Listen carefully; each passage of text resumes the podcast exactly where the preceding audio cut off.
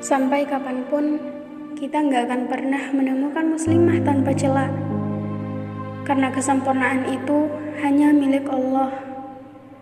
Ketika kita salah, kita nggak punya jalan lain selain kembali menghamba memohon ampun di hadapannya. Syariat dan peraturan yang telah ia gariskan, itu pasti untuk kebaikan hamba-hambanya.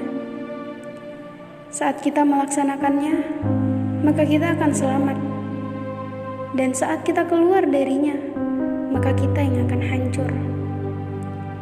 Ini bukan tentang apa yang diperintahkan, tapi siapa yang memerintah. Jika perintah itu datang dari Allah dan Rasul-Nya, maka itu pasti benar dan baik untuk kita.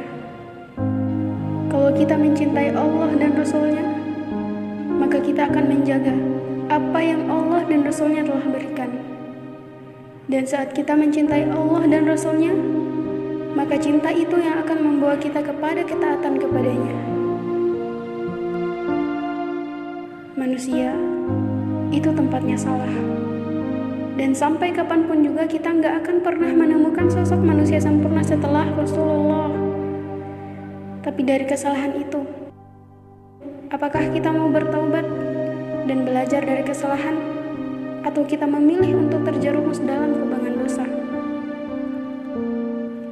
Kalau besok-besok kita melihat orang lain berbuat dosa, jangan sampai kita menghakimi seseorang karena dosa yang dia lakukan. Kita juga seorang pendosa. Hanya saja Allah Maha Baik yang menutupi aib-aib kita sehingga manusia hanya melihat apa yang baik dari kita.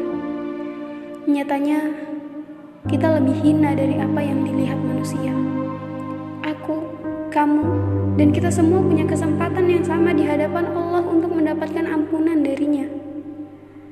Dosa yang kita lakukan akan tercatat sebagai dosa, dan kebaikan yang kita lakukan akan tercatat sebagai pahala di sisinya.